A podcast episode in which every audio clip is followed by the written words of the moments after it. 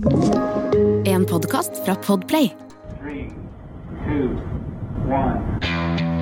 And liftoff. One, two, three, four, five, five, four, three, two, one. Enter bed. Okay, we checked all four systems, and there you go on modulation, all four, and keying with a go. Quality base here. The Eagle has landed. Jeg er fortsatt litt sånn uh, rusa på 100, jeg, Erik. eh, at vi uh, Who'd have thunk it? At vi skulle klare å komme oss eh, så langt. Eh, hurra for oss. Det er faktisk et innmari godt poeng. Jeg tenkte også det da jeg starta dette her, at eh, vi får nå se hvordan det går. Vi får nå se om det i det hele tatt er noen som gidder å høre på oss. Og, og selvfølgelig, altså, er det i det hele tatt, kommer det i det hele tatt inn noen penger som gjør at det blir noe kattemat og, eh, og motorsykkelolje? Altså, det, er, det er en del sånne faktorer man tar høyde for når man starter på et sånt prosjekt. Så å komme helt til 100, wow! Og nå er vi vel eh, på en måte in to deep. Eh, det, Ja. det, har på en måte Det har på en måte blitt eh, en, en, en slags kult. Eh, feil ord. Men altså, det har jo La oss si det sånn. Det er, det er med ydmykhet at eh, jeg registrerer at eh, vi fortsatt og fremdeles og enda og hele tida får inn masse spørsmål som jeg ikke skjønner noe av, men som jeg er veldig glad for at du skjønner noe av.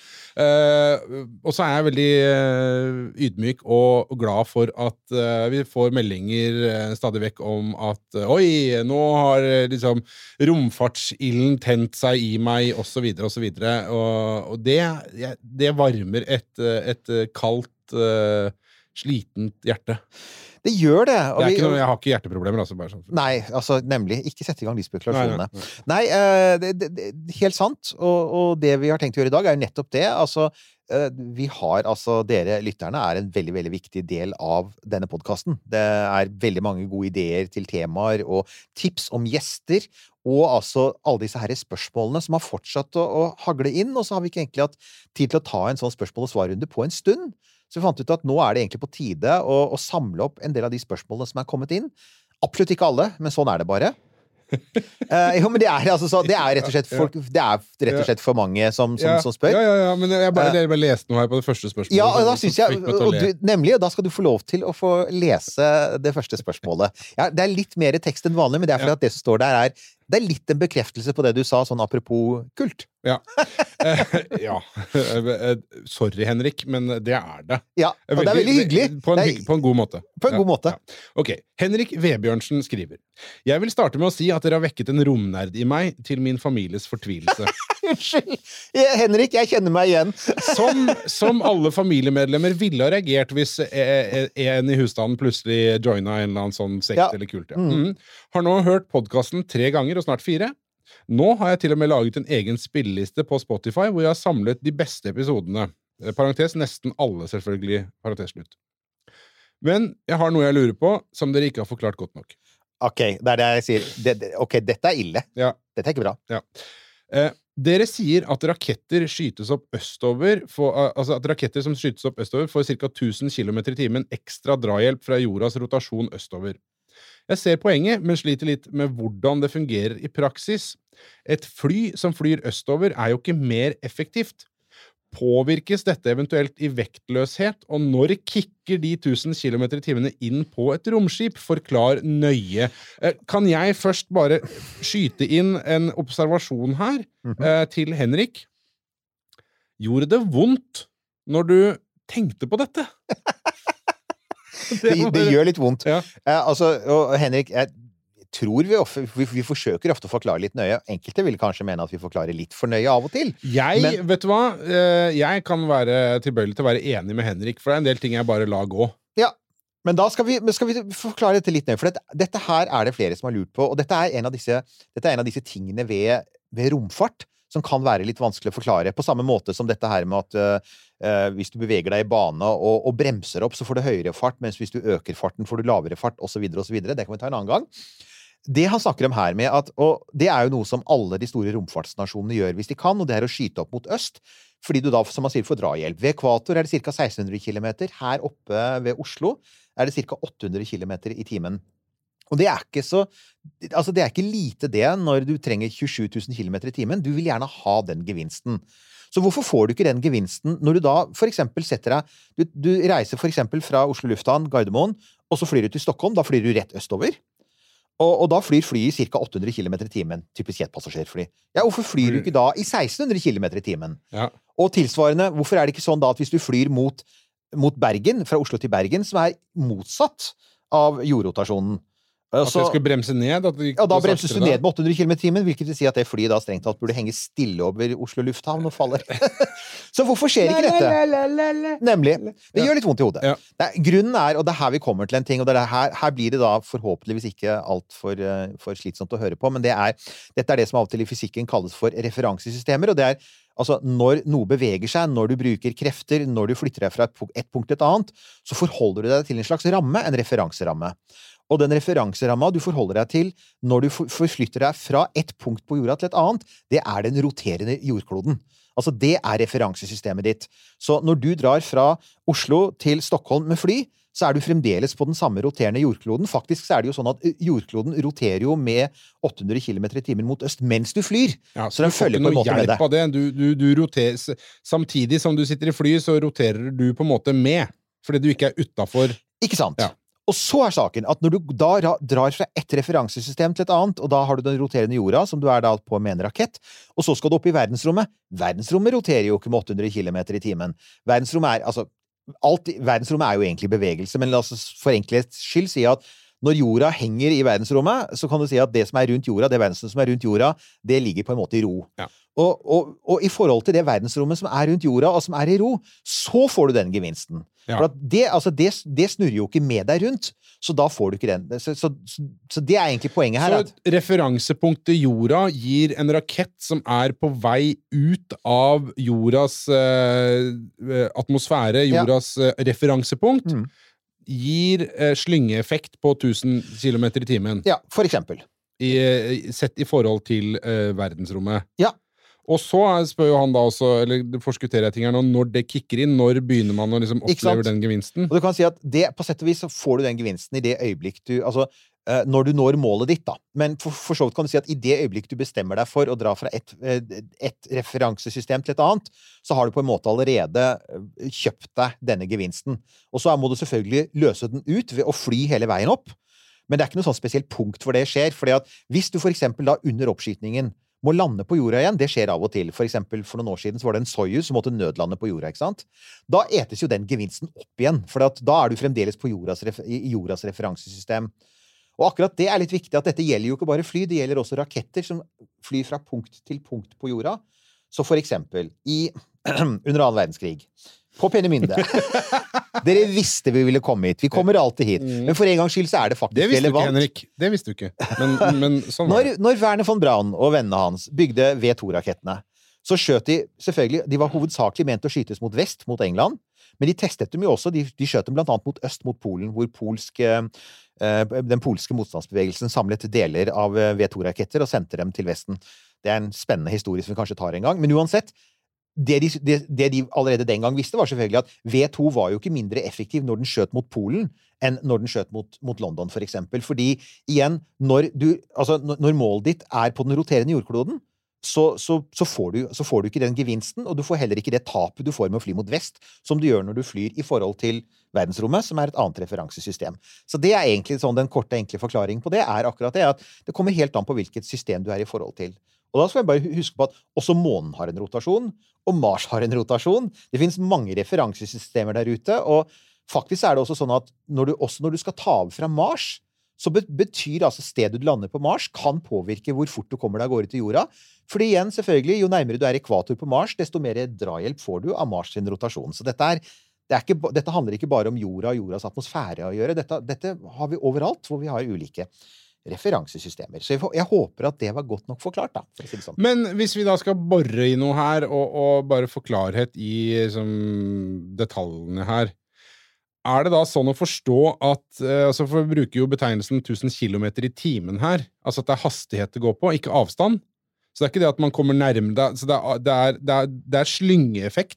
Det er Det er ikke det at avstanden blir kortere hvis man tar Det blir litt sånn som hvis man skal reise til Mars, så må man finne ting når det står riktig, sånn at turen blir Ja. kortere, videre. Nei, det er rett og slett at, at, øh, altså at øh, jo, nær, jo nærmere du kommer ekvator, desto, desto fortere roterer et punkt på jorda i kilometer i timen. Ja. Og det er rett og slett fordi at øh, ved ekvator så er altså jorda er ca. 40 000 km rundt ekvator. Øh, og det roterer på 24 timer, så kan du dele 40 000 på 24, så får du ca. 1600 km. Mens oppe på 60 grader nord så er jo jorda mye kortere rundt, og så må du dele det på 24 timer, og da får du 800 km i timen. Så igjen så er det Det er lite grann sånn Det er ikke egentlig komplisert fysikk, det er litt, sånn, litt mer sånn kronglete matte. Og man kan få litt vondt i hodet av de ulike referansesystemene. Det skal sies. Det blir som å hoppe av en bil i fart, da. Ja, Det gjør det. Oi, da var vi enige. Så så jeg, jeg, jeg har skjønt det. Jeg har skjønt det, Henrik, så nå håper jeg at uh, andre som også lurte på det, har, har skjønt det. Ja. Ok, la oss ta et sekund og meditere på uh, vår uh, enkle hjerners evne til å forstå kompliserte ting. Takk, da var det gjort. Eh, Ole Solheim, her er vi opptatt av effektivitet eh, og lever i tiden. Eh, Ole Solheim lurer på hvorfor Dragon-kapselen har to luker og ikke én.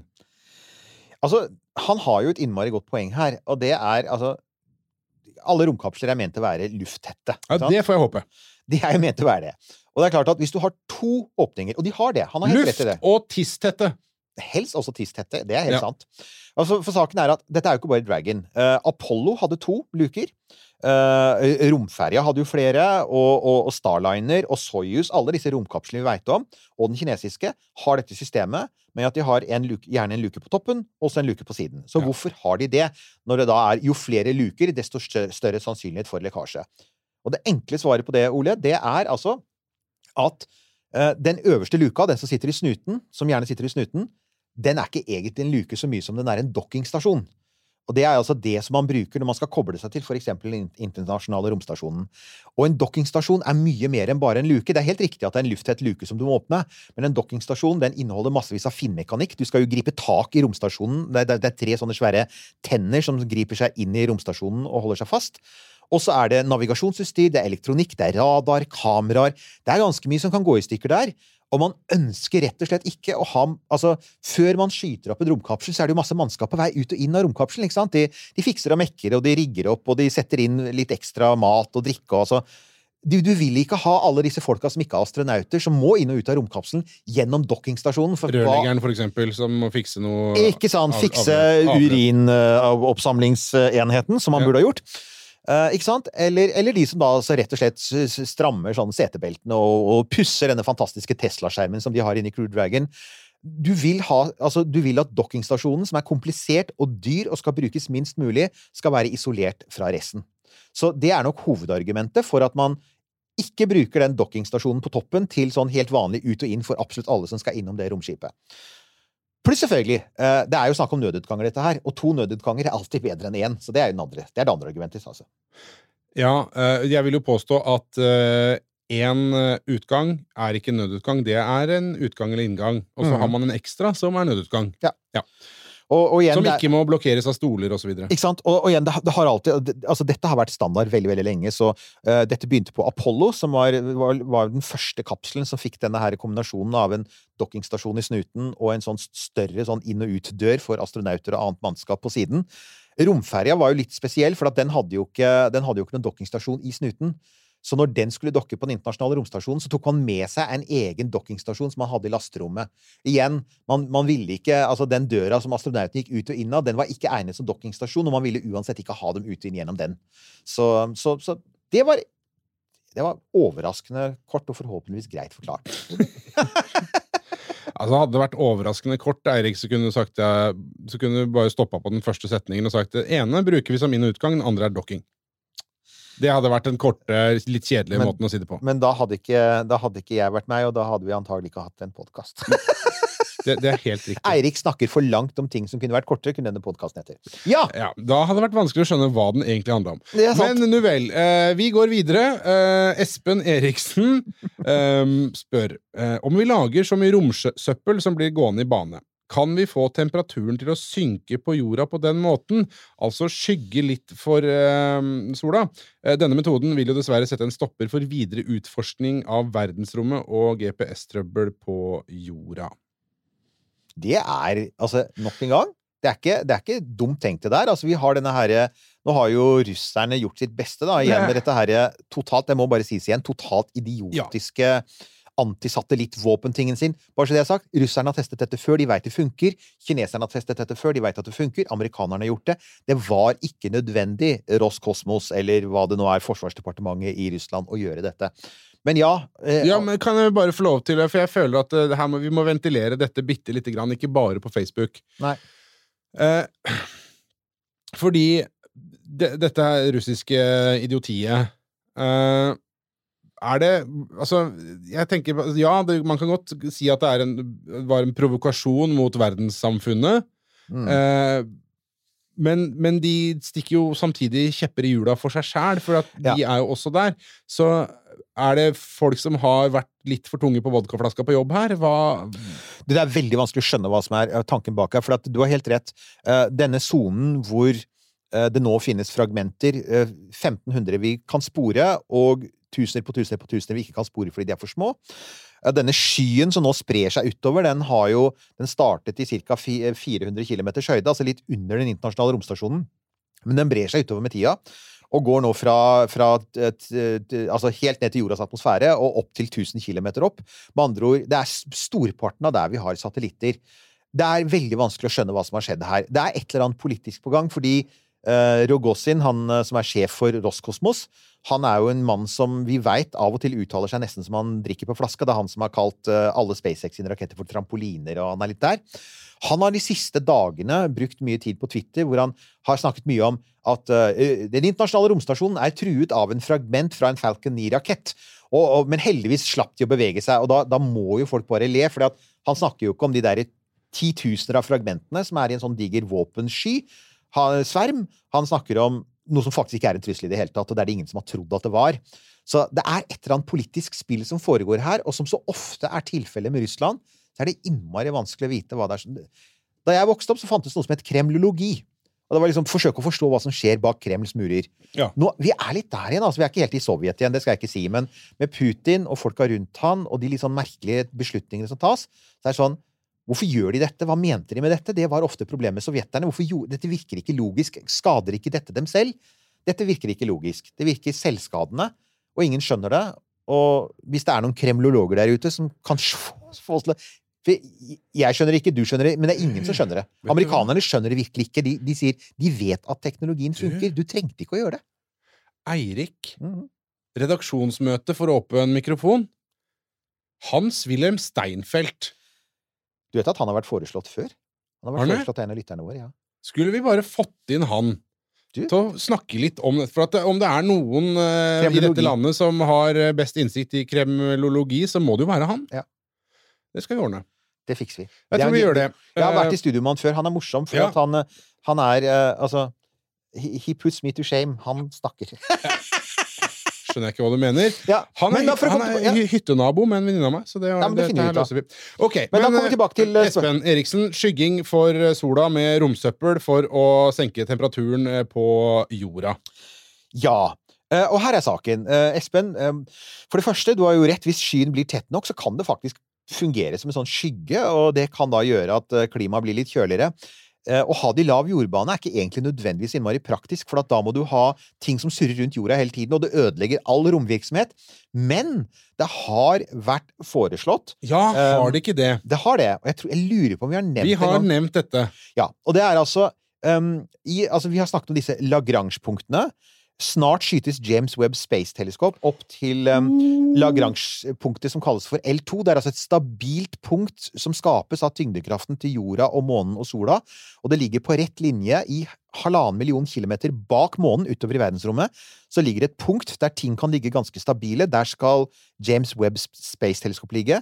Og så er det et stabilt banepunkt nærmere sola, mellom jorda og sola, som heter L1.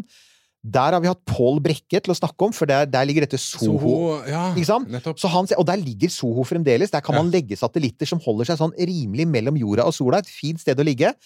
Og det litt sånn ville ingeniører har foreslått, er at hvis vi virkelig får en skikkelig temperaturøkning på jorda, så er det mulig å sette en sverm av skjermer, eller en sky av skjermer, på, i L2-punktet, altså eh, Unnskyld. L1. L1 Ja. mellom jorda og sola.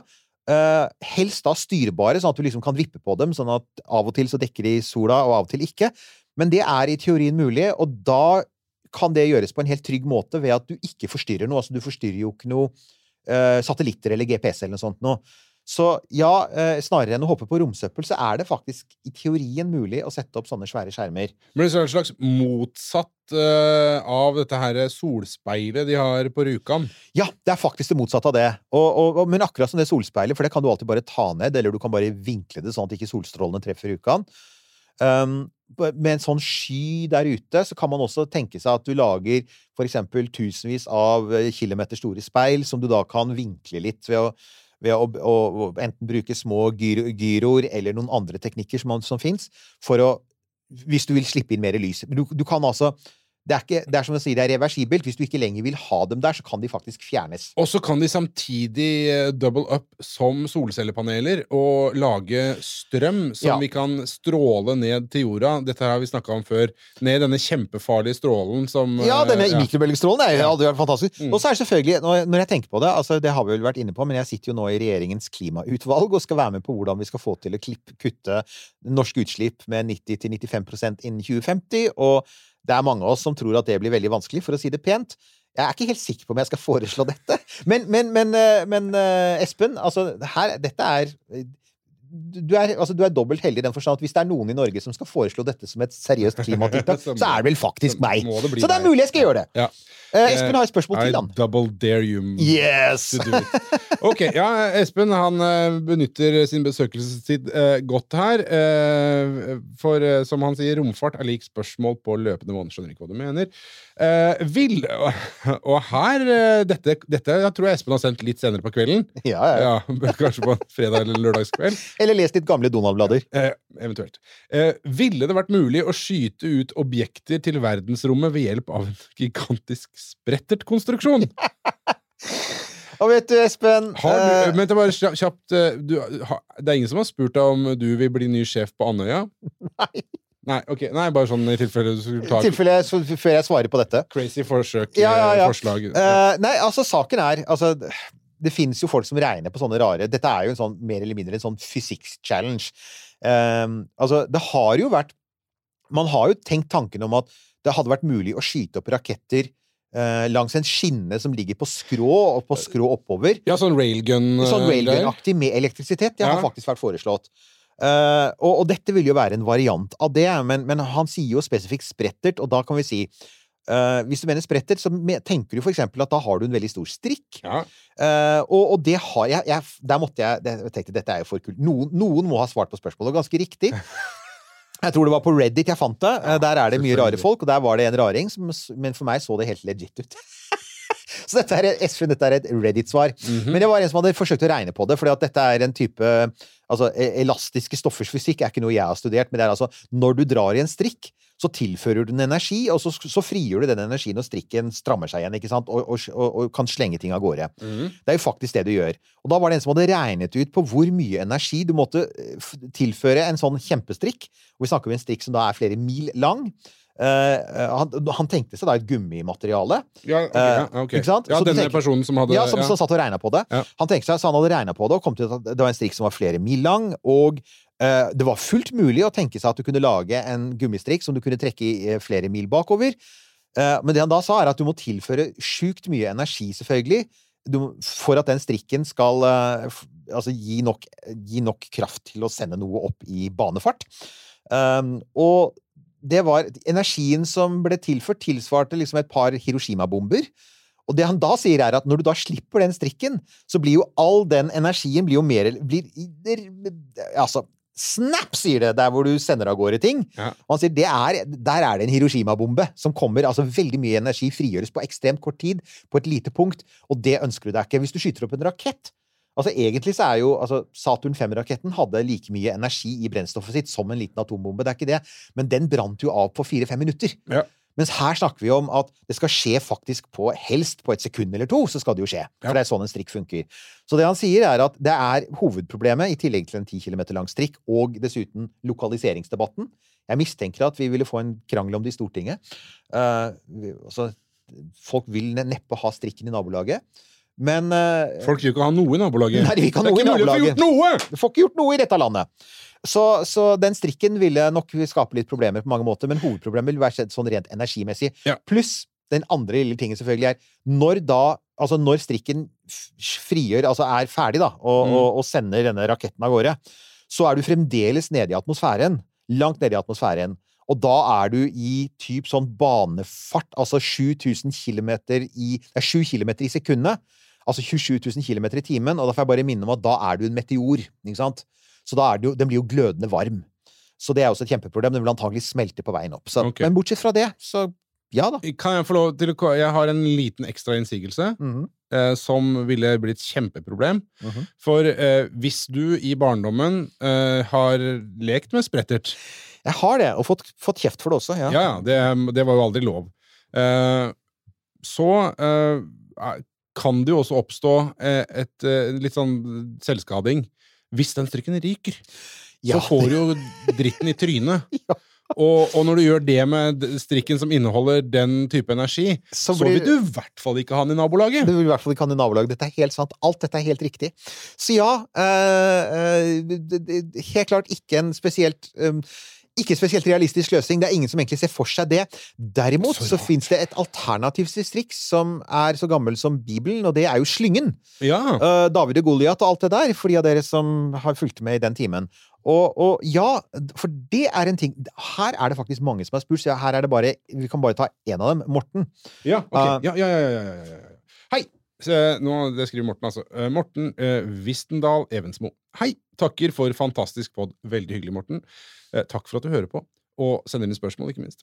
Denne saken kom bokstavelig talt ut av det blå. Spin Launch, which is building an alternative method of launching spacecraft to orbit, last month conducted its first test flight of a prototype in New Mexico. Og dette her er jo, dette er jo bare sånn marginalt mindre crazy enn dette strikkforslaget, men det er altså akkurat spin launch er akkurat hva man sier at det er. Det er en sak som skal spinne veldig, veldig, veldig, veldig, veldig, fort, og så skal du slippe den på akkurat riktig tidspunkt.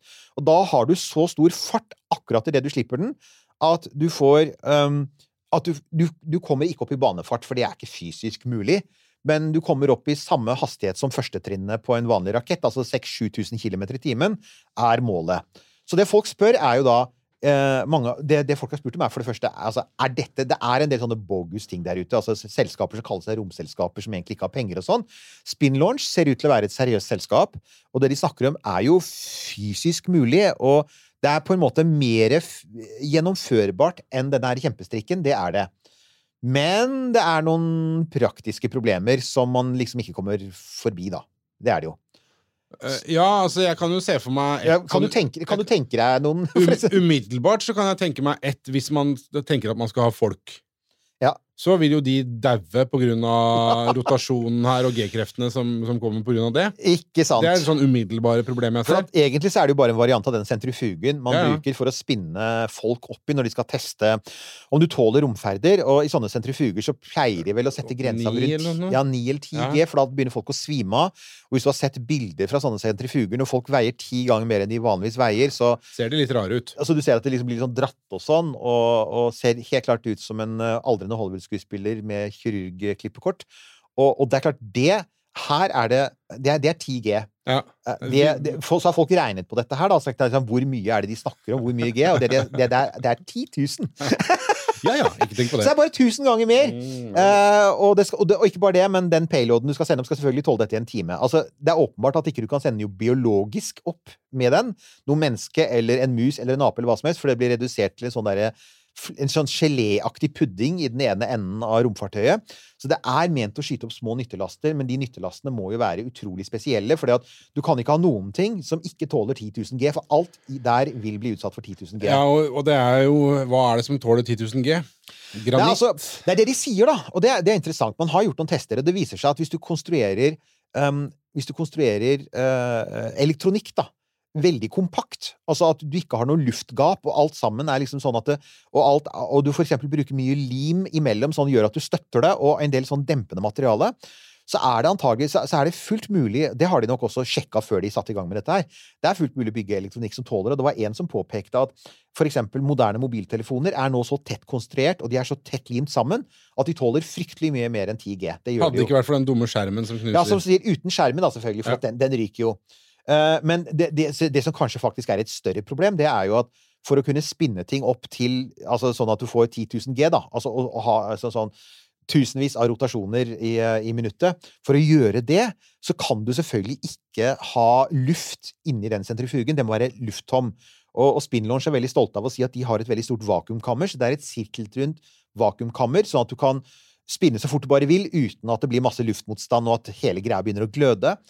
Da har du en annen liten ting, og det er at du skal jo fra et vakuumkammer og ut i luft. Ja, det var det jeg umiddelbart tenkte på. Det er Ja. jo helt meningsløst å bare drive og snurre rundt inni der. Ikke sant? Og da er, dette er sånn rent ingeniørmessig problem. Da skal du via en barriere. Den barrieren er akkurat nå en slags sånn derre membran av noe slag. Eh, og det kan kanskje gå, men da skal du først krasje gjennom den, og så kommer du rett ut i tett luft. Ja. Så da går du fra vakuum til vanlig tett luft i en fart på ca. 7000-8000 km i timen. Så ja Det høres ut som oppskrift for katastrofe. ja, så For det første får du en voldsom nedbremsing. selvfølgelig. Du får en G-kraft i den retningen, først etter å ha fått en retning. Og så må du ha et varmeskjold på nesa, selvfølgelig, fordi at du får masse varme. Og så er jo da det, Men det som virkelig senker det for meg, da, det er jo at du kommer jo ikke opp i bane med dette, for det, det, det er ikke fysisk mulig. Det du da må gjøre, er at du må ha et andre trinn som faktisk er en rakett. Så du har ikke engang tatt vekk raketten. Ja. Så da skal, du ha, da skal du ha en rakett med flytende brennstoff som skal tåle 10 000 G høres helt strålende ut. Ja. Men, men der er du jo inne på noe som er litt interessant, da. Fordi eh, vi har jo snakka om eh, mange ganger altså alternative måter å få ting opp i verdensrommet på. eh, eh, og alt har jo på en måte blitt forkasta til fordel for eh, raketten. Eh, brennstoffbrennende rakett det er, liksom, det er det beste vi har klart å komme opp med så langt. Men kunne man se for seg en eller annen form for eh, sånn type al- Altså, hva skal man bruke? Kinetisk eh, støttesystem for å liksom hjelpe på under et eller annet trinn av en, av en ferd? Helt klart. Og det, det mange påpeker, er at dette er kanskje ikke fullt så aktuelt for jorda, men denne eh, spin-launch-greia vil antagelig funke innmari bra på månen. Fra månen, ja. månen. For der har du en sjettdels gravitasjon. Du vil komme rett opp i bane. Mye mindre G. Vakuum er der allerede, og mye av det du vil sende fra månen, er uansett bare mineraler, som ikke, så det går helt fint. Så, så det de sier, er at det, konseptet er faktisk ikke så dumt. Det er bare at det er når du er Du står nede, nederst i gravitasjonsbrønnen på jorda med den tetteste delen av atmosfæren rundt deg, så, så er det for mye praktisk trøbbel, rett og slett. Når det er sagt, ja, du har selvfølgelig romheisen, som vi jo etter hvert har, altså for øyeblikket ikke- ikke ser ut til å være veldig realistisk, men det er i teorien mulig å heise det opp i rommet.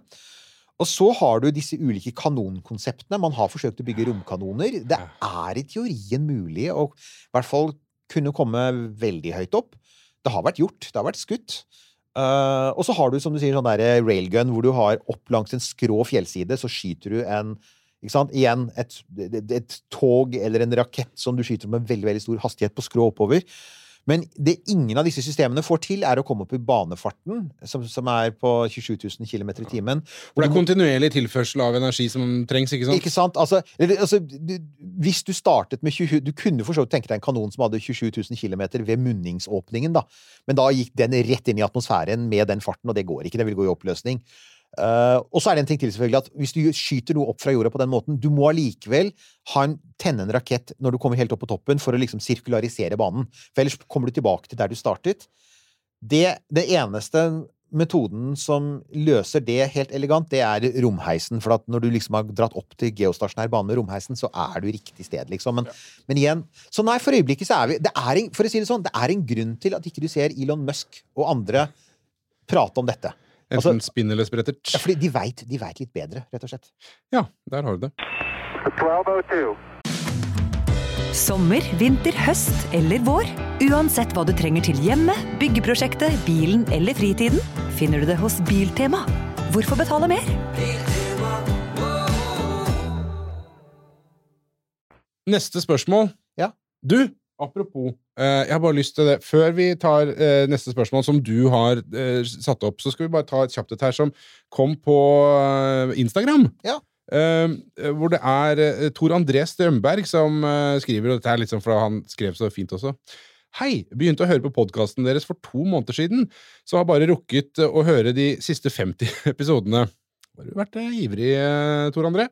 Eh, Så vet ikke om dere har sagt noe om dette, men kunne dere sagt noe om romfartsvitenskap har gitt til dagligmannen? For eksempel ting vi bruker eh, dag til dag? Mm. Da kjapt gå inn på det her. Helt uplanlagt, spontant akkurat nå. Ja, ja. Borrelås er vel eh, Ja, Borrelås sånn nevnes ofte som det. ja. Tror, altså det, det, noe av det viktigste som romteknologi har bidratt til for vanlige folk, er jo miniatyrisering. At for at ting skal opp i rommet, så må det gjøres lite og lett. Og det må lages av Det må være robust, du må ha elektronikk, du må ha materialer som er som, som tåler mye, og som samtidig ikke veier veldig mye. Så miniatyrisering av datamaskiner på 60-tallet, der var romindustrien utrolig viktig, selvfølgelig. Ellers er det selvfølgelig alle de tjenestene. Det, det aller viktigste som leveres i det daglige, det er alle tjenestene som kommer fra rommet. Altså GPS, navigasjon, for eksempel. Eh, Du har altså, vi tenker ikke på det engang, men værmeldinger, jordovervåkning, skipsovervåkning, flyovervåkning, flykommunikasjon, som, som får samfunnet vårt til å fungere. Altså når du eh, hva, hva het han? Eh, Tor André. Tor André, så for eksempel når du da liksom går i butikken og plukker, og plukker ut et produkt da fra hylla og, og går hjem for å lage middag av det, og hvis, så sant det produktet ikke er laget i ditt nabolag av en bonde som du liksom kjenner, så kan jeg si at det har vært brukt romtjeneste på veien, det har vært brukt navigasjon, det har vært brukt eh, liksom, produktstyresystemer, og, og om, om kjøttet er norsk, så er emballasjen laget av et firma i Kina, for eksempel. Så, så ja, vi har i dag en sånn global økonomi der særlig eh, sånn, sånn rombaserte tjenester, det som av og til kalles for downstream i romindustrispråket, de er, det er en ekstremt viktig del av, av økonomien. Hvis vi tok vekk det nå, så ville vi være ganske hjelpeløse. Da ville hele dette her systemet med at eh, eh, du bestiller en dings fra Kina, og den kommer akkurat når du vil ha den. Det vil si, ikke akkurat nå, da, men normalt! Normalt så vil den gjøre det. Men, eh, men, men ja, det, det- det er nok det viktigste i dagliglivet vårt i dag. Men, men tidligere i historien så handlet det mye om mikroelektronikk eh, og, og, og, og produkter, eh, sånn eh, materialer, som, som du sier borrelås og, lignende. Ja, mener du å huske 3M-lappen? Var ikke det sånt et resultat av en eller annen sånn forskning på noe lim som skulle Og så blei 3M-lappen Og, til? og, mener altså, uan, og du kan si det, det var akkurat altså, det som mange påpeker. Da, da, da vi skulle til månen, så sprøytet amerikanske myndigheter 150 milliarder dollar inn i amerikansk høyteknologi. Altså, ja da, det ble en rakett av det, men det ble mye, mye mer av det også. Alle biproduktene, ja. Alle biproduktene. Hele, og, og dette er jo også grunnen til at land som India og Kina er veldig opptatt av dette. Eh, altså I India så har de jo det sett på det som det indiske rakettprogrammet, som vi har snakket litt om, men kanskje litt for lite. Det har vært enormt viktig for det landets tekniske utvikling, for det har jo også bidratt til å fått masse ingeniører og bedrifter. Altså. Så, så romfart har sånn sett en, generelt en veldig god effekt på økonomien, så jeg håper det var Et slags svar. Jeg syns det var ganske bra, jeg. Jeg synes det var ganske, Jeg synes det var ganske bra. på spark. Så til en som er planlagt. eh, Ernie, eh, Ernie jeg tror det er Ja. sånn man uttaler, Sæterum. Hadde det vært mulig å styrte ISS til et av, eh, styre ISS til et av månens Lagrange-punkter i stedet for å styrte den i havet? Kunne den i så fall vært benyttet som en slags livbåt i tilfelle ting gikk skeis på månen? Dette her toucha vi innom i en episode som handla om ISS. Eh, husker ikke konklusjonen. Jeg mener at jeg trodde jeg hadde en strålende idé, og så er det selvfølgelig noen som har tenkt på det, og de har kommet til uh, hva for slags konklusjon? Nei, det er altså, altså Eller konklusjon på det, da, men Nei, man altså, har jo bestemt hva man skal jeg gjøre ISS for med det første, må jeg bare ta det siste først. Uh, Den antagelig, altså ISS begynner å trekke på året. altså Det er ikke sikkert at den vil fungere så veldig godt som livbåt, egentlig. Den vil være en ganske farlig livbåt. Men, men hun har et innmari godt poeng. Og det er jo dette med hvorfor i all verden skal vi kaste romhistorien i sjøen? Ja. Altså for, det, det, for det har vi gjort hele tiden. 99% av romhistorien har landa enten på havets bunn, eller i Gobi-ørkenen, eller på en kinesisk landsby, eller på en eller annen planet, ikke sant? eller ute i det interplanetariske rom. Men vi, vi har veldig lite av denne fantastiske historien til å kunne stille ut i et museum. Uh, og, og vi kan aldri stille ut ISS i et uh, museum, fordi at den er altfor svær og skjør. Det er 420 tonn med masse moduler. Men én mulighet er jo selvfølgelig å skyte den opp i en høyere bane. Så det er et innmari godt poeng. Eh, hva med å ta den til et Lagrange-punkt, eller til en, av disse her eh, kirkegårdsbanene utenfor geostasjonær bane? Da er du langt utenfor romsøppelproblemet, så du kommer ikke til å bli skadet av noe romsøppel. Det er bare mikrometeoritter i praksis som kan være en trussel, og det vil si at den kan være der i millioner av år uten å få større skader. Som et sånt svevende museum, om man vil, da. Og så kan man kanskje en dag så kan det bli et turistmål. Ja, en, faktisk. aksjer, en ekskursjon for rom, romturistene. For romturisme. Og i så måte så, så, så hva vil det kreves, da? Eh, og, og, og saken er at Vi har jo snakket om dette ganske ofte, om at du hele tiden må dytte opp romstasjonen fordi at den trekkes ned av atmosfæren. Og det stemmer jo. Og det man gjør da, er at man tar sånne russiske progressromskip, og så sender man opp dem, og så har de en um, motor om bord som gir eh, den internasjonale romstasjonen et lite dytt, så kommer den akkurat høyt nok til at den kan sveve noen måneder til.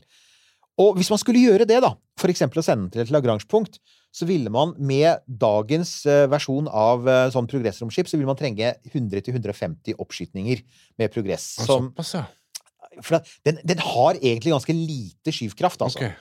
Og, og det er jo heller ikke meningen at den skal ha veldig mye.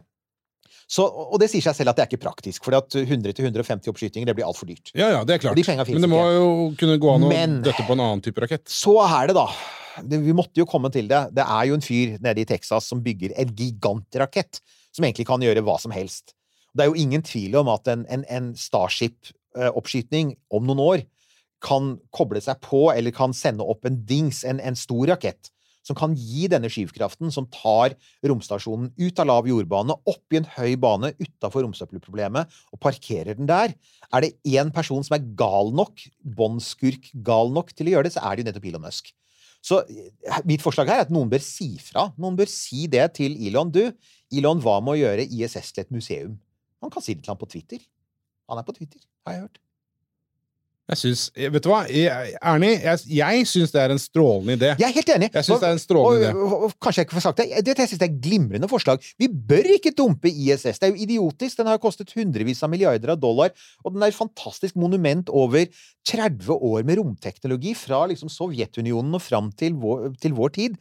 Så er det datamaskiner og dockingstasjoner og massevis av utstyr. At det bare skal dumpes i sjøen, er jo tragisk. Jeg håper jo virkelig at noen hører på oss som har makt. Det er lov å håpe. Ja. Hogne Bærland til eh, Hogne. Hei. Og hei, skriver Hogne. Har et spørsmål jeg har tenkt på en stund, og det gjelder reisetid til Mars. Jeg liker så godt at vi har folk som altså, det er, At det er andre folk der ute som tenker på sånne ting. Jeg vil jo bare si det. Det er så bra å vite. Ja, det er deilig. Det er alltid snakk om seks til åtte måneder, men er det umulig å tenke seg å brenne raketter lengre og få større fart mot Mars? Jeg skjønner at dette skal bremses ned også, men om man hadde hatt med fuel til det? Det er det. Og jeg vet at, uh, igjen, for å nevne han der fyren med Starbase i Texas, han har faktisk vært inne på det, at du kan ha to typer ferder til Mars. De som har, de som har all verdens tid, og skal, som, som skal bare reise bedagelig og bruke minimalt med brennstoff, og som tar seks til åtte måneder. Og så er det mulig å tenke seg at passasjerflighter går fortere ved at man brenner mer brennstoff. For det er helt riktig, du kan ha større fart ut fra jorda, men da må du også bruke desto mer rakettbrennstoff for å bremse opp i den andre enden. Ja, For at Mars har så tynn atmosfære, så Ja. du får ikke så mye nedbremsing som du kunne ønske deg. Så, så det er, Derfor så har nesten alle endt opp med å si at du må bruke mellom seks og åtte måneder. Men det forutsetter at vi har dagens type raketter, altså kjemiske raketter av den typen som også SpaceX bruker.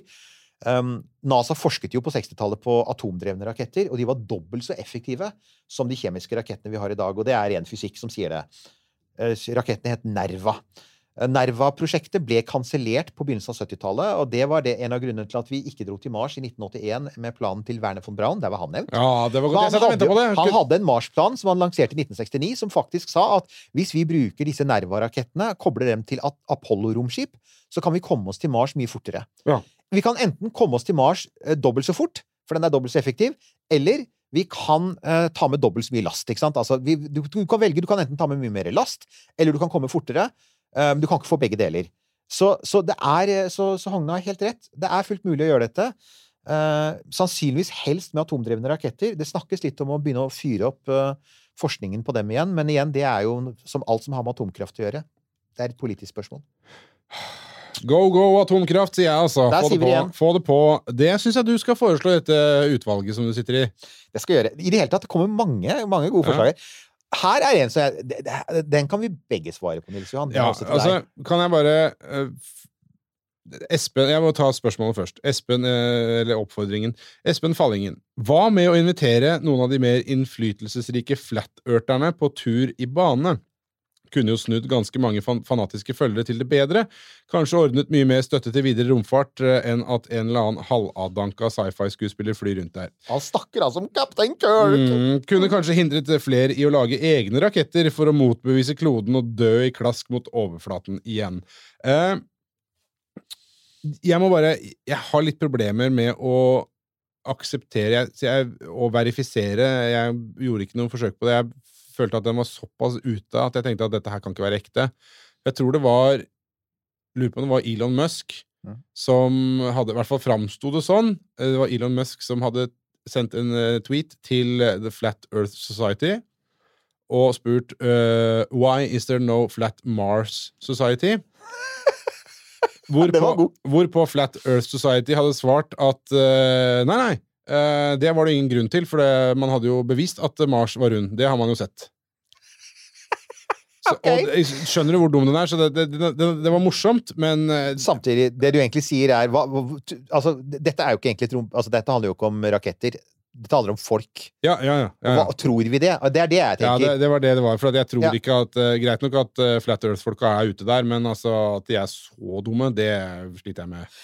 Nei, altså, nå tenkte jeg, altså, han sier jeg kunne snudd ganske mange fanatiske følgere til det bedre. Og, og der tenker jeg Ja, kan de det? Altså, jeg vet at øhm, Hva er det de sier uh, uh, Winston Churchill sa jo det, ikke sant? A fanatics, fanatics is someone who uh, won't stop talking and won't change his mind. Ikke sant? Altså, det er noe med det. Altså, du, han hadde veldig liten tro på at det var mulig å forandre på tankesettet til fanatikere, da. Ja. Uh, altså, det fins helt sikkert en del sånne moderate flat earth-folk. Nå- Det er, det, det, er, det er kanskje det dummeste jeg har hørt du si på veldig lenge. Ja, det sier ikke lite, si. Altså Idet du er flat earther, så går det ikke an å Nei. være moderat. tror jeg. Moderate flertall. Ja, og, altså, skal, det skal sies, jeg ble en gang intervjuet med å være Jeg ble en gang invitert av en uh, herværende statskanal om å sitte i et panel sammen med en flat earther, og de hadde ikke varslet meg om det, og jeg trakk meg fra panelet med en gang. Så jeg, først og fremst så Altså, skal Altså Altså, dere, dere skal jo ikke ha en astronom i det panelet, dere skal ha en psykiater, sa men det var Ja. eh, OK. Så der har du mitt syn på saken. Ja. Men uansett men, men, men her er jo saken, da. Um, eh, Espen, det fins faktisk en helt konkret mulighet til å få gjort noe med det nå. For da tidligere så hadde vi sagt NASA vil selvfølgelig aldri gjøre det, med god grunn. Hvorfor bruke skattepenger på det? Samme med ESA. Ja.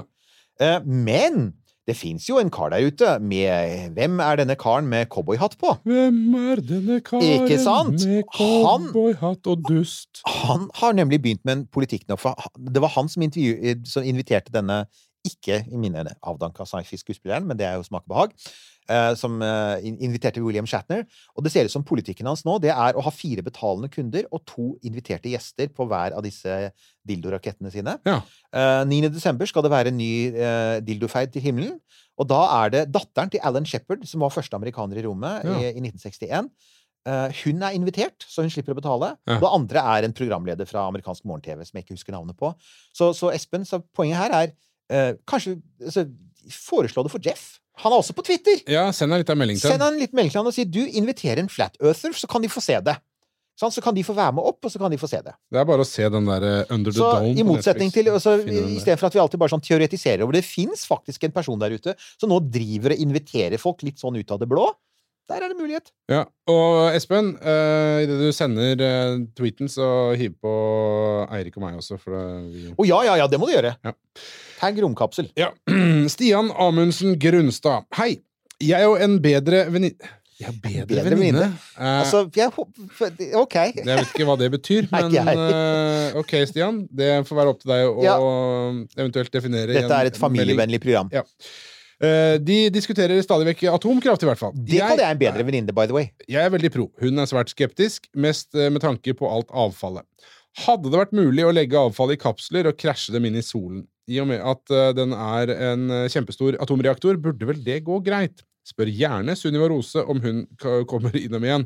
Vet du hva? Uansett, Stian, så, så garanterer jeg deg at Sunniva Rose kommer innom igjen. Hun skal komme innom igjen. Ja, det er, for det, er, altså, Sunniva er som eh, Marianne og Petter. Vi kan ikke ha en rom, eh, romkapsel uten at de er innom med jevne mellomrom. Nei. Sånn er det bare. Nei, det. Eh, men, men ja, altså, men denne her er jo uansett så er det egentlig mer romfart enn det er, er eh, atomkraft. Igjen, vi har sagt dette mange ganger, vi er for atomkraft i denne Ja, og, lille og atomkraft er, romfarten er jo avhengig av atomkraft. Ikke sant? Og løsningen for romfarten fram til nå har jo egentlig bare vært eksempel når det gjelder Voyager-sondene. Du sender eh, kjernekraftverket med avfall ut i det interstellare rom, hvor det ikke lenger er et problem, fordi at interstellare rom er verdens største søppelplass. Og sjansen for at du noensinne kommer borti det søppelet, er så mikroskopisk at for alle praktiske formål fins den ikke. Så spørsmålet er bør man sende til sola, eller bør man sende ut i interstellare rom? Ja. Og, og, og da tenker du ja, men det må jo være, det er jo mye kortere til sola. Det er det. Men der kommer vi til, til, til dette her snodige med Og det er tilbake til det første spørsmålet vi fikk i dag, om denne gevinsten du får med jordrotasjonen. Ja. Romfart er ikke alltid intuitivt. Saken er at eh, jorda surrer rundt sola med en fart på 30 km i sekundet. 30, 30 kilo. Ja, okay. 30 Ja, ja, km i sekundet, som er ganske mye. Eh, og, for å, og, og, for at du skal falle ned på sola, så må du litt enkelt sett Det fins noen triks du kan gjøre, men litt enkelt sett så må du bremse opp 30 km i sekundet. Ja. For å forlate solsystemet så trenger du en snittfart på 42 km i sekundet. Da, men du sitter allerede på en klode som suser av gårde med 30 km i sekundet, så du trenger ikke egentlig legge til så mye. Nei. Så poenget er at det trengs 40% mindre energi totalt sett for å unnslippe solsystemet enn å slippe noe ned på sola. Så selv om Ah. det å slippe noe ned på sola og bare la det smelte der, og det er helt sant, da blir det borte, gir en sånn god følelse av at vi aldri ser det igjen, Ja. så vil jeg jo si at vel, vi har jo sluppet radioaktivt materiale ned på stjernen som holder oss i live, selv om ikke det er noen fare, så vil sikkert mange synes det er skummelt. Så energimessig sett, og miljømessig sett, betyr det selvfølgelig ingenting. Så er det kanskje greiere å bare sende ut i det interstellare rom, hvor vi aldri mer vil se det. Men da har man jo på en måte et etisk spørsmål, da, om man skal drive og forsøple universet på et vis. Jo, det er en annen diskusjon, da. Det er det, men på den annen side altså Derfor vil jeg bare påpeke at universet er proppfullt. Altså, vi snakker om et univers som er proppfullt av knallhard radioaktiv stråling fra svarte hull. Så, så vi snakker jo ikke om at vi sender noe sånn Vi sender eh, gradvis døende radioaktivt materiale fra jorda eh, ut i et sånn vakkert, naturskjønt univers. Det er, folkens, det er et knallhardt bestrålt vakuum. Det er, det, det er det mest hostile to life som fins. Så universets sånn generelle fiendtlighet mot liv vil, vil ikke endre seg en tøddel.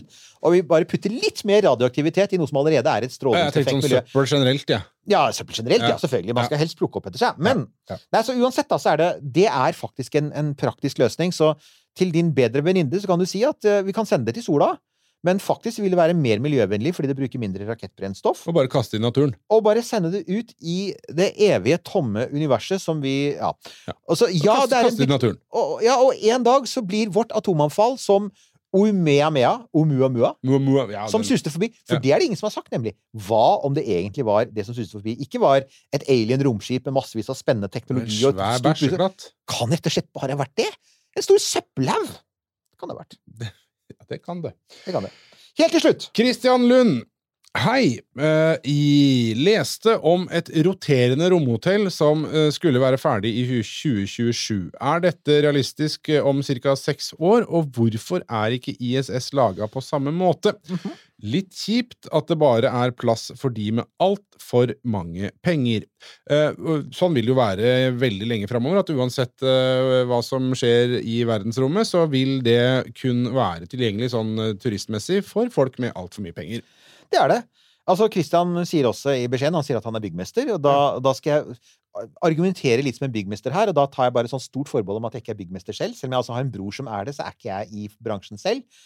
Og bare si, For dette er litt sånn, dette er faktisk litt sånn byggrelevant, eh, dette her, egentlig.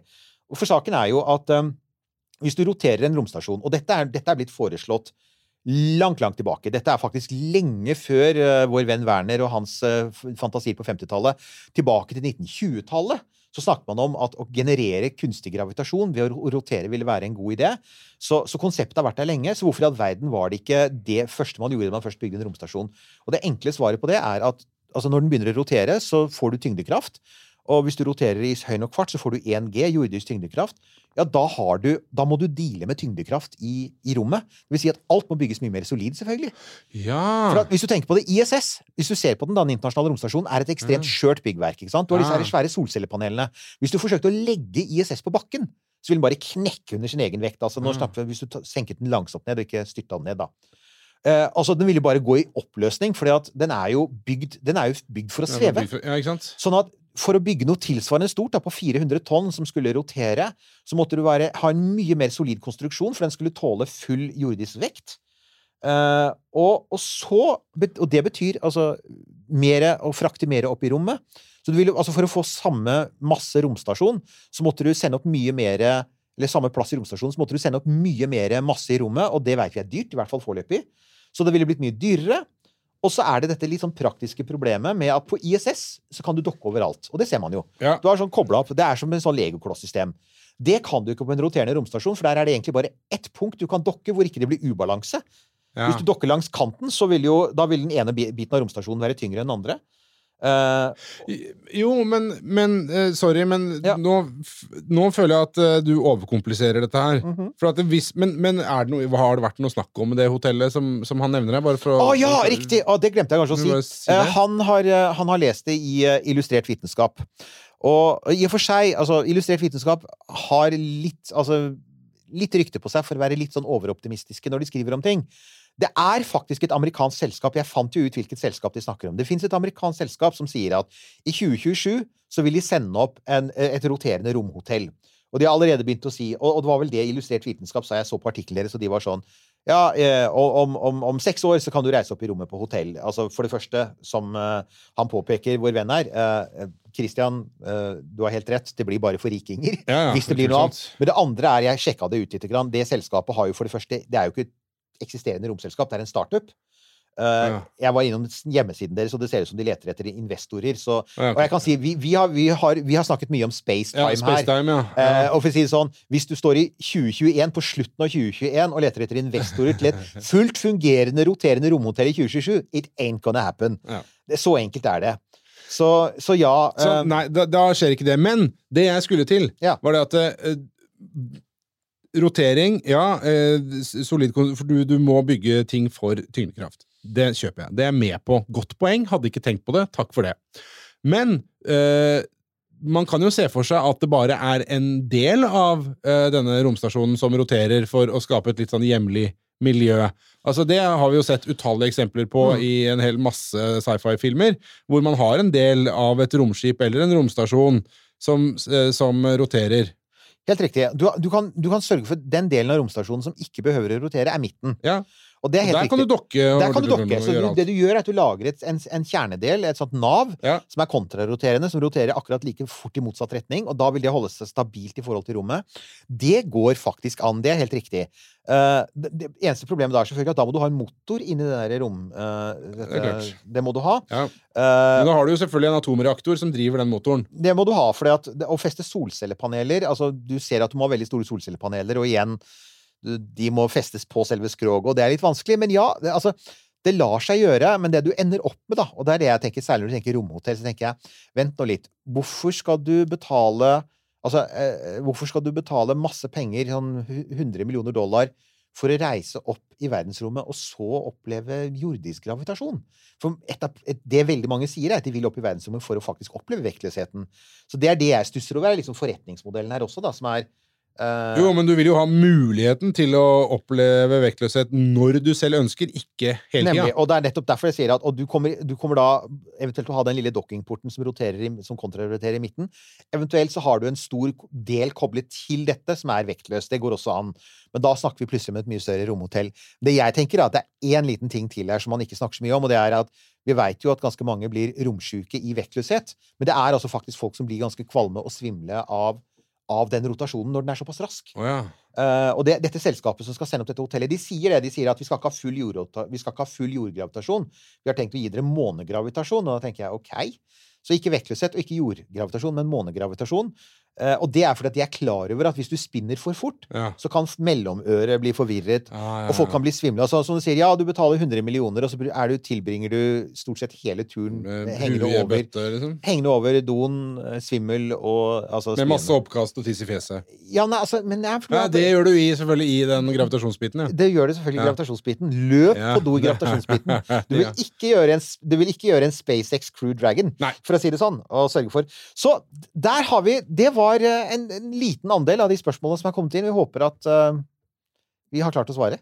Ja, jeg syns du har klart å svare, i hvert fall. Jeg hører på jeg, og lærer ting. Eh, Det er det jeg gjør. Men fortsett, altså bare fortsett å sende inn sånne ting. Og det er, det er morsomt. Jeg syns jo altså for eksempel spretthetsspørsmålet er Ja. gøy. For at det er jo ikke bare sånn Altså noe som du kan slå opp på Wikipedia. Du må faktisk researche og tenke litt for å gjøre det. Eh, det tok litt tid før jeg fant han gærne fyren på Reddit, og dessuten sjekket at jo, men det ser ut til at det han skriver, faktisk stemmer. Ja. Det, er, det som er bra, er at, at eh, du har på en sånn X-fuck i bånn her, så du gjør Ja. korrekt eh, måte, analyse av kildene du finner. Ja, ikke sant? For det, er, altså, det, det fins mye rart der ute, og ikke minst er det Altså, Vi syns jo det er veldig gøy med denne nye perioden i romfarten, hvor det skjer så mye, og det har kommet så mye nye selskaper, og, og vi får disse her eh, fantastiske Altså alle disse prosjektene hvor folk plutselig kan skyte opp ting som ikke de hadde råd til før, fordi at da fantes ikke små romselskaper. Vi har jo lært eh, nå at man kan eh, booke seg plass på en rakett eh, bare på å gjøre på internett med en rakettbroker. Fantastisk kult. Men det er klart, samtidig så er det litt sånn Texas der ute. I, i, I Texas, for eksempel. Da. I, blant annet i Ja. Texas, Mhm. for at ja, altså Spin Launch er i Texas, ikke Ja, sant? og, og. Starbase er i Texas. Og Virgin Galactic er i Texas. Vi ser et mønster her. Så ja, det er litt Texas i denne bransjen, og det er en del aktører som ikke nødvendigvis er useriøse, men som rett og slett eh, altså prøver å komme seg opp i rommet, og så har de litt lett for kanskje å glemme at space is hard. Ja, samtidig så må jeg jo hylle entusiasmen og stå-på-viljen hos de med en crazy idé. Ja, og jeg syns det er veldig fint at folk faktisk går sånn all in. Folk lo av Elon Musk òg, da, vet du, da han starta. Ja, de gjorde det, helt klart. Eh, og, og, og ingen eh, er, angrer mer på at de lo enn disse russerne som skulle solgt han den raketten som han aldri hadde startet SpaceX. Men, eh, men ja, og, og, derfor skal jeg si at jeg syns jo faktisk Jeg tror jo at det er, en, det er, altså, det er helt klart et det har en verdi å bygge disse roterende romstasjonene. Hvis vi skal være lenge i rommet, og hvis folk f.eks. skal jobbe i rommet over lengre perioder, så kan vi ikke ha vektløshet. Så det er helt klart at det er, et, det er et marked for en sånn roterende romstasjon. Jeg bare stusser over det med at det skal skje allerede i 2027, og ikke minst at, at betalende romturister som er så opphengt i vektløshet, det er noe av det de er mest opphengt i, skal liksom bare så si ah, jeg skal opp dit for å bare være i gravitasjon igjen. Det er jo kjedelig. Men OK. Det er Ja, jeg, jeg ville ikke vært premieregjest på det hotellet, for å si det sånn, Nei. med de barnesjukdommene. Hvis det skal gå så fort i svingene, få opp, så det. tror jeg kanskje jeg hadde venta at det hadde vært eh, litt mer sånn Pers hotell på Gol. At det var litt ordna og velprøvd, da, for å si det sånn. Det er for øvrig et ganske morsomt hotell. Aldri vært der. Aldri Jeg har vært der en gang. Det var, eh, det var gøy. Ja. Uh, jo, sånn hvis vi nå eh, rolig forsøker Nå er det lenge siden vi har landet eh, hos eh, Nur Sultan. Ja, som har fått en hel flyplass oppkalt seg. Nei, det er ikke anlegget, men flyplassen er oppkalt etter han. Ja. Men uansett, vi er på vei mot bakken igjen. Og vi er også veldig på vei mot en bestemt tid på året. Og det er vel når denne episoden går, så bør vel folk faktisk begynne å tenke på hvis de har lyst til å bestille noe til jul. Ja, da, da må du forte deg nå, for at det er jo litt treghet i systemet her. Ja, og det, Eh, ikke sant? det er det jo, og det handler jo søren ikke bare om deg og nabogutten. Det Nei handler jo om at der ute så er det treghet i alt. det, det handler om eh, flere, flere ting. eh, Og så handler det vel også om at Uh, eh, på en del T-skjortestørrelser så begynner det nå å bli litt slunkent, så eh, jeg må dessverre si det at eh, jeg kan ikke garantere at eh, det kommer til jul, for det, hvis man skal bestille opp, så tar det litt tid også. Eh, men eh, altså, du, du får Legg inn bestillinger. Legg inn bestillinger, for all del. Det kommer. Jeg driver sånn i det stille også pønsker på en ny modell som jeg tror kunne vært ganske gøy. av en T-skjorte. Veldig bra. Kopper har vi plenty av. Det er det bare å bestille. Romkapsel.no, der finner du alt det. Og så kan vi også si det at det pønskes på, og det skal eh, komme litt sånn eh, julespesialer. Holiday specials, som vi Det jo skal liker så godt. Det skal det. Vet du hva, jeg må bare si det. Sorry, nå er det en lang episode som blir enda lenger, bare fordi at jeg kom på noe gøy nå. Uh, jeg så uh, på en dokumentar om Star Wars-leker. Altså disse figurene. Å, jeg vet hva du mener. Det der, Eh, er det, er det, var det vår barndoms leker? Ja, ja, det er The Toys That Made Us Ja, ja, på. Netflix. Oh. eh, hvor eh, det ble sagt at eh, før Boba Fett Mhm, dukka opp i en faktisk Star Wars-film, mhm. så fikk man det første møtet publikum fikk med Boba Fett. Mm. Det var eh, eh, i The Holiday Special. Den fæle, fæle, fæle, før, og den jo grusomme produksjonen. Ja. Eh, Der var første gangen Boba Fett dukka opp. Sånn. Takk for meg. Ja, men det var, og, og da har du også tilfredsstilt Star Wars-delen av vårt publikum, som ikke er ubetydelig. Og så igjen, vi er jo i alle de sosiale medier som er der ute, det vet dere allerede, og vi har fremdeles en VIPS som heter uh, Romkapsel Newt og Halvorsen. Så i mellomtiden så får dere kose dere og begynne å pønske ut eh, nye spørsmål. For eh, altså, vi kommer sikkert til å ha sånn i fremtiden også. Det er jo gøy, dette her. Du har hørt en podkast fra Podplay. En enklere måte å høre podkast på. Last ned appen Podplay, eller se podplay.no.